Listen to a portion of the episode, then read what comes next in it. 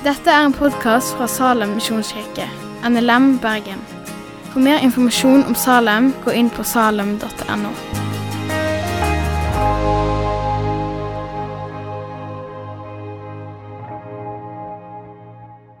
Velkommen, alle sammen. Velkommen som eh, brødre og søstre i Kristus. Efeserbrevet Jeg har fått et ganske langt eh, skal vi si, eh, avsnitt, men vi kan ikke ta alt. Fra Efesene 2,11 til Efesene 3,21. Jeg var tapt, men jeg er funnet igjen. Det er en grunnholdning hos en kristen. Det burde være en grunnholdning hos en kristen. Jeg var den sauen som kom bort, og som Jesus lette etter. Jeg var den bortkomne sønnen eller dattera som ville bort, og som rota bort livet, og som kom tilbake til far. Og forfatteren av Efeserbrevet, apostelen Paulus, han levde med denne holdningen hos seg sjøl. Han hadde vært med på steining av, krist, av kristne. Det står det at han, han sto og tok vare på klærne. Så var det kanskje fikk han noen andre til å gjøre selve steininga, men han var jo med på hele konseptet. Det står at han dro folk ut av husa for å stille dem for retten og få, få de straffa fordi at de var kristne. Paulus trodde at han var på lag med Gud, og han gjorde den jobben. Og så plutselig så erfarer Paulus at det, det er jo jeg som er fortapt. Men heldigvis så har Jesus funnet meg igjen. Og Det er kanskje noe av grunnen til at han begynner her i, i, i Efeserbrevet, det som vi har i 2.11. Så sier han Husk derfor at dere før var hedninger i kjødet og ble kalt uomskårne av de såkalte omskårne, de som med hånd er omskåret på kjødet. Han måtte bare gi dem bare, Nå må dere huske det. Kanskje nå, nå, nå, nå er dere blitt frelst, og dere er eh, høyt oppe. Eh, og dere har kommet inn i en helt ny stilling. Dere har fått håp og liv. Men allikevel så sier han det. Men husk at dere var faktisk hedninger. Er hedninger. De var ikke jøder.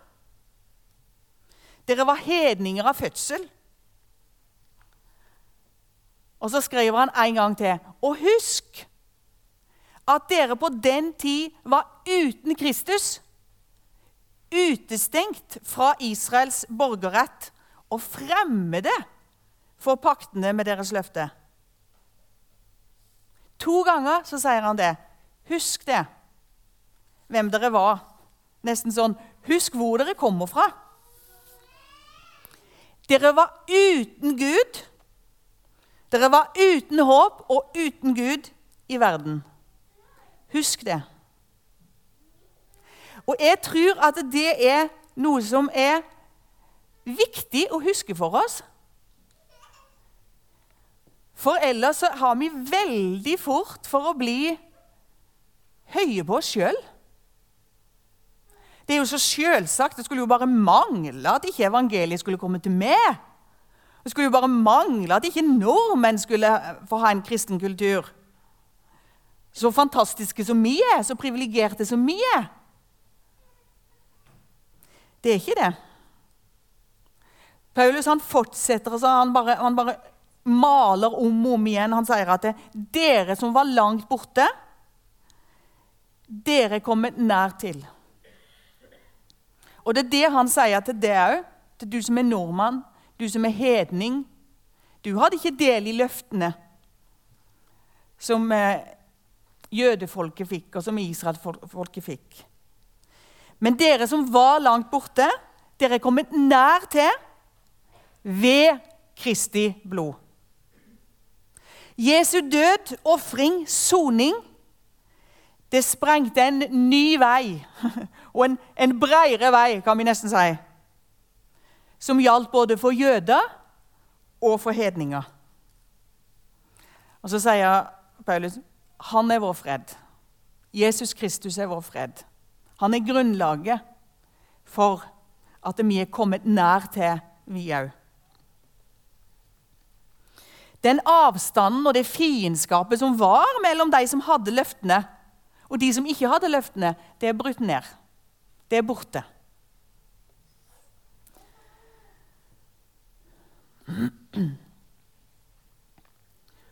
I vers 17 så står det Og han kom og forkynte evangeliet om fred for dem som var langt borte, og fred for dem som var nær ved.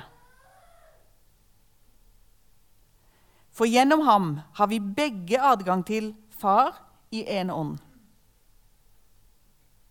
Fremmede og utlendinger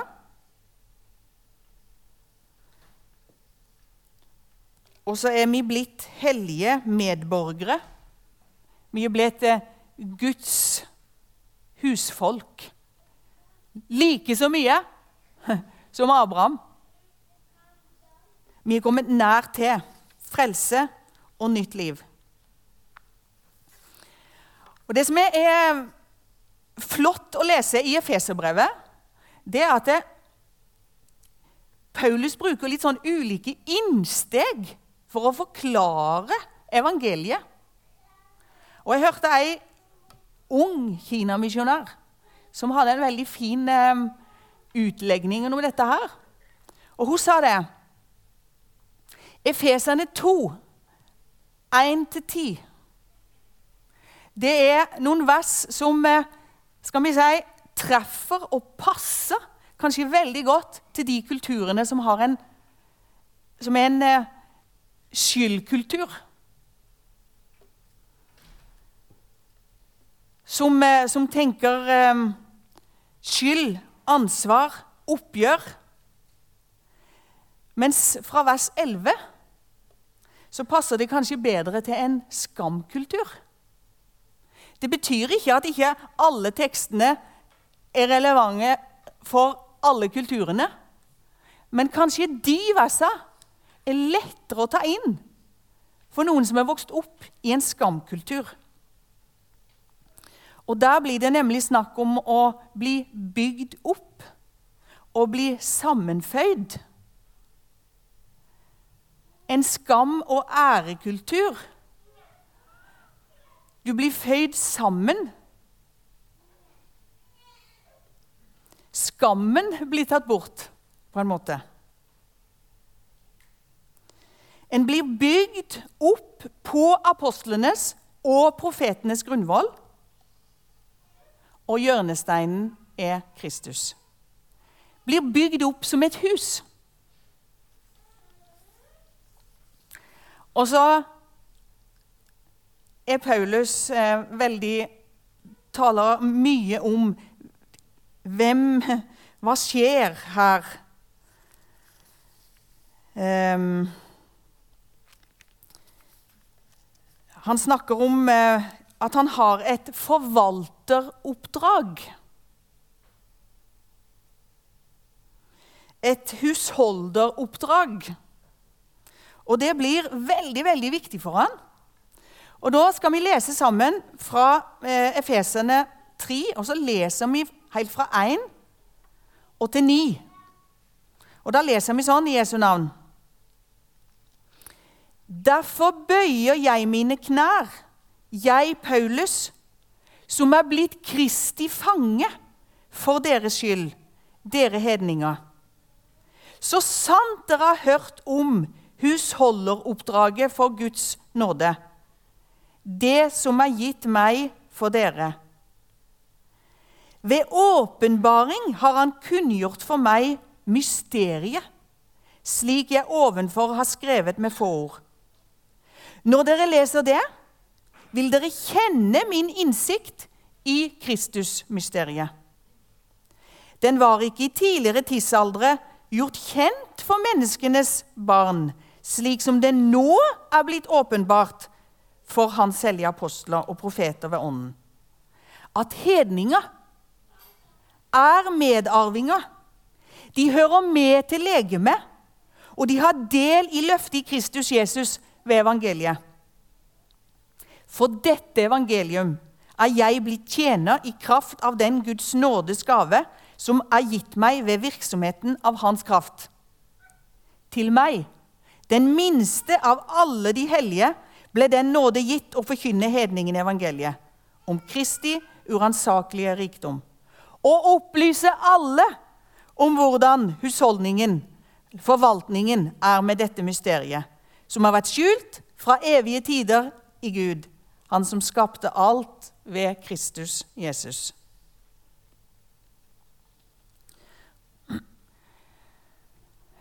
Paulus, apostelen, han har fått et forvalteroppdrag. Han som var langt borte, han som hadde gjort ting mot Gud og mot Guds folk, så en må bare undres at han egentlig torde um, å søke om å bli antatt som misjonær. Men han hadde fått et kall.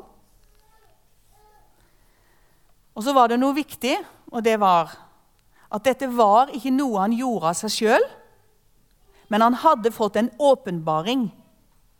En åpenbaring fra Gud som gjorde at han både forsto og han visste hva han skulle gjøre.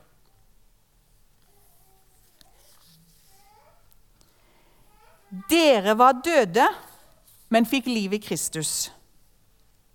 Det var en bygning som ble sammenføyd. Og så var det en del av denne revolusjonen som, som, gikk samtidig med det å få fred med Gud, som var noe veldig nytt, som var nye tider, og det var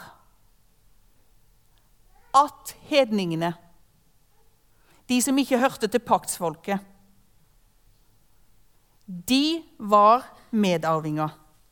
De hører med til legemet, og de hører med til løftet.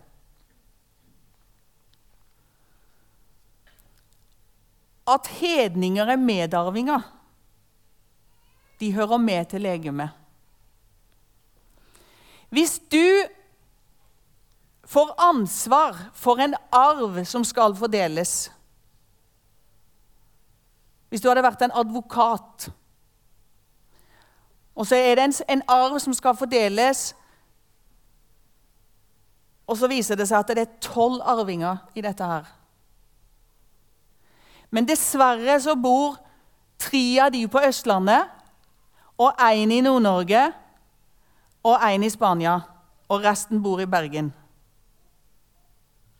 Hva gjør den advokaten da?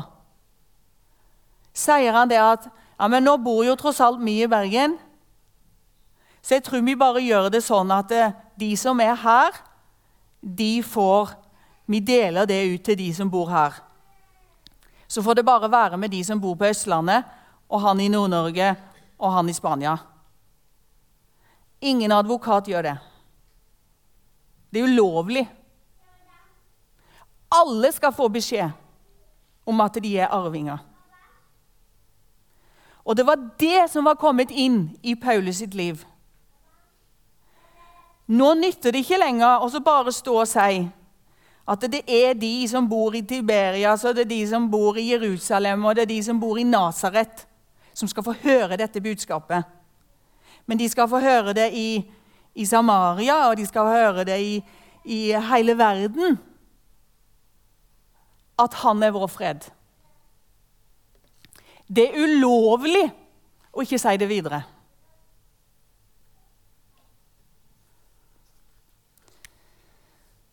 I tillegg så visste Paulus at han var en tjener.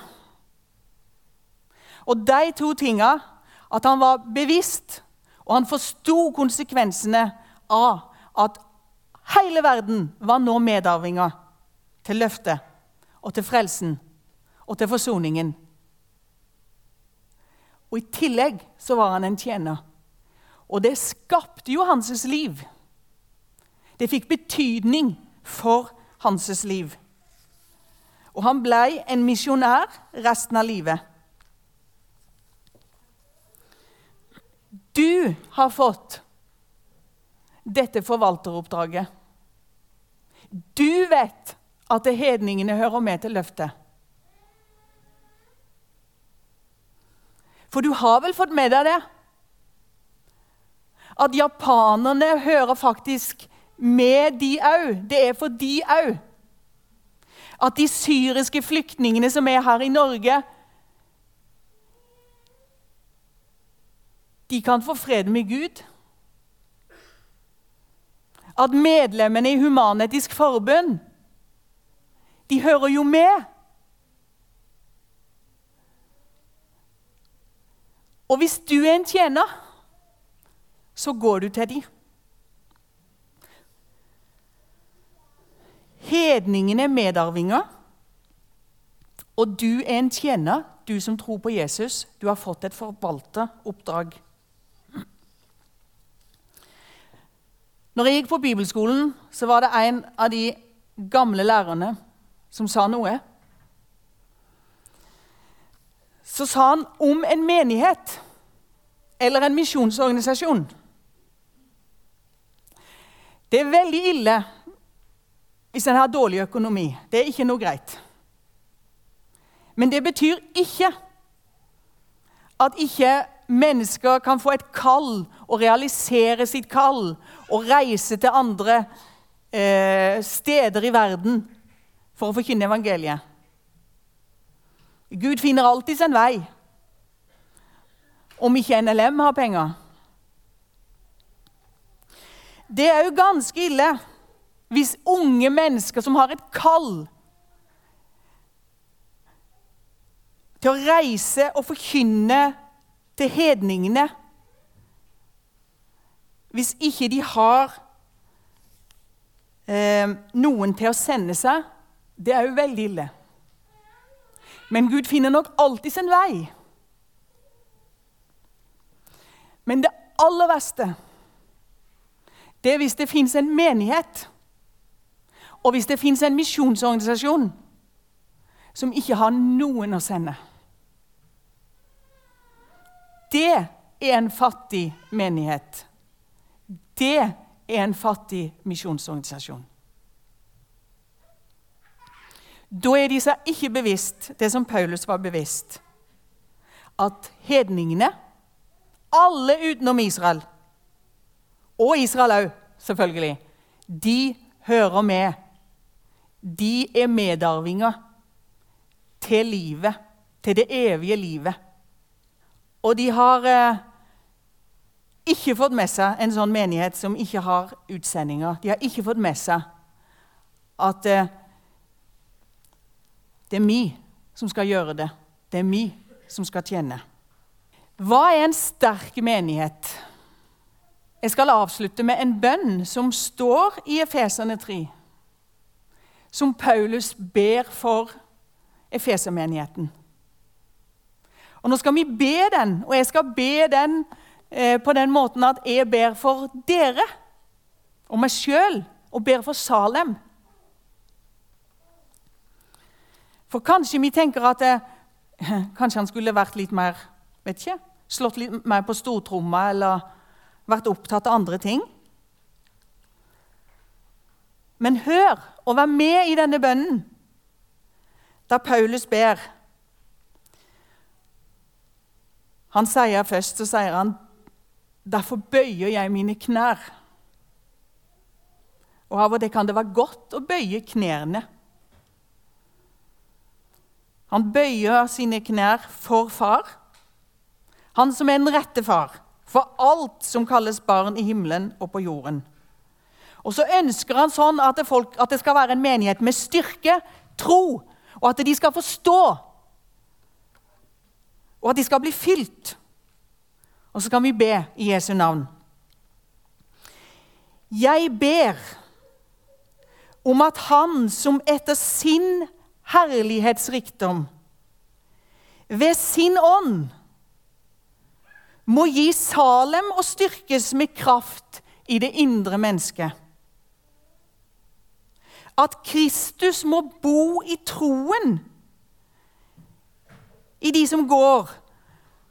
At Kristus må bo ved troen i deres hjerte for de som går i Salem. For at dere i Salem, rotfestet og grunnfestet i kjærlighet, sammen med alle de hellige, kan være i stand til å fatte hva bredde og lengde, høyde og dybde her er, og at dere må kjenne Kristi kjærlighet, som overgår all kunnskap, så dere kan bli fylt til hele Guds fylde. Men Han som kan gjøre mer enn alt, langt utover det som jeg klarer å be om her, utover det som jeg klarer å forstå, og det som dere klarer å forstå, etter den kraft som er virksom i oss, ham være ære i menigheten og i Kristus Jesus gjennom alle slekter i alle evigheter. Amen. Takk for at du har hørt på podkasten fra Salem, Bergen. I Salem vil vi vinne, bevare, utruste og sende, til Guds ære. Vi ønsker å se mennesker finne fellesskap, møte Jesus og bli disippelgjort her i Bergen og i resten av verden. Vil du vite mer om oss, gå inn på salem.no.